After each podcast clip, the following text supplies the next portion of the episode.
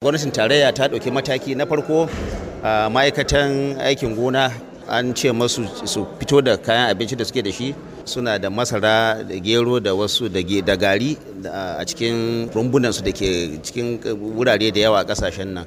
Za a fito da wato metric ton dubu arba'in da biyu za a ba 'yan najeriya shi idan allah da kwanan nan za a yi wannan.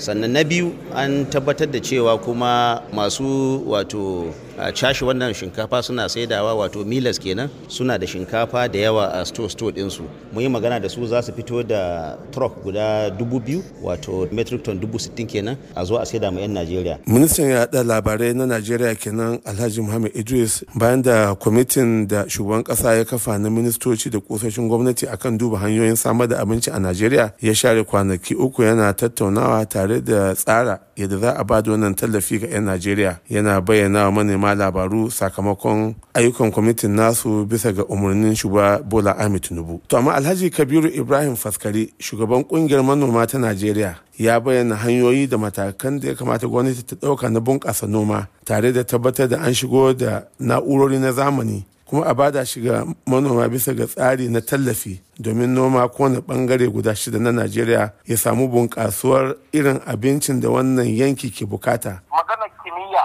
a cikin magana a cikin wato tana da mahimmanci ƙwarai ana wadatar da manoma da da kayayyakin da duk za su sa su noma a cikin kuɗi masu rahusa kuma na dindindin wato rangwame a wurin kaya na dindindin ba wai a yi na to ɗaya ba kenan. To sai dai domin kawar da matsalolin da akan samu gurin rarraba irin wannan tallafi ko abinci ga al'umma shugaban ƙungiyar na manoman Najeriya ya ce. Gwamnati ta ba wa'anda suke da buƙatar wannan ɗauki. Kar a ba mutanen da za su maje su saida a yi kamar ba a yi ba. Kada kuma a ce sai mutum 'yan siyasa ki zai ba. Saboda duka 'yan Najeriya gwamnati ta duka 'yan Najeriya. Kada a kalli cewa sai in mai siyasar ka za ka ba. Saboda yawan yunwar ya addabi kowa dukkan Najeriya ya kamata a yi. Abin tambaya shine kai kana ganin gwamnati kamata ya ta ba da wannan shinkafar ko abincin da za a fitar a kyauta ko kuwa a yanke farashin shi ta yadda mutane za su saya a rangwame. Yawwa a rangwame ne.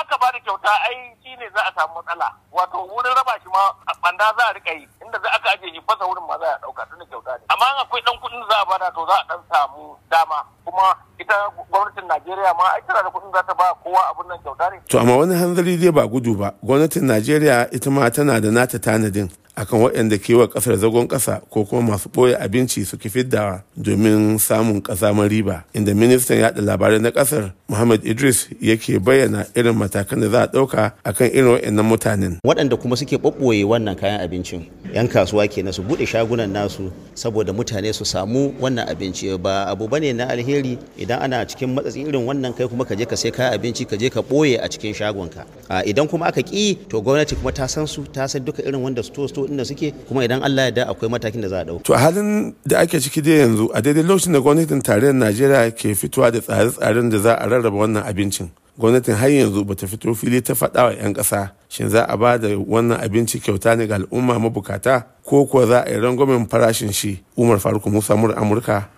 a Abuja, Najeriya.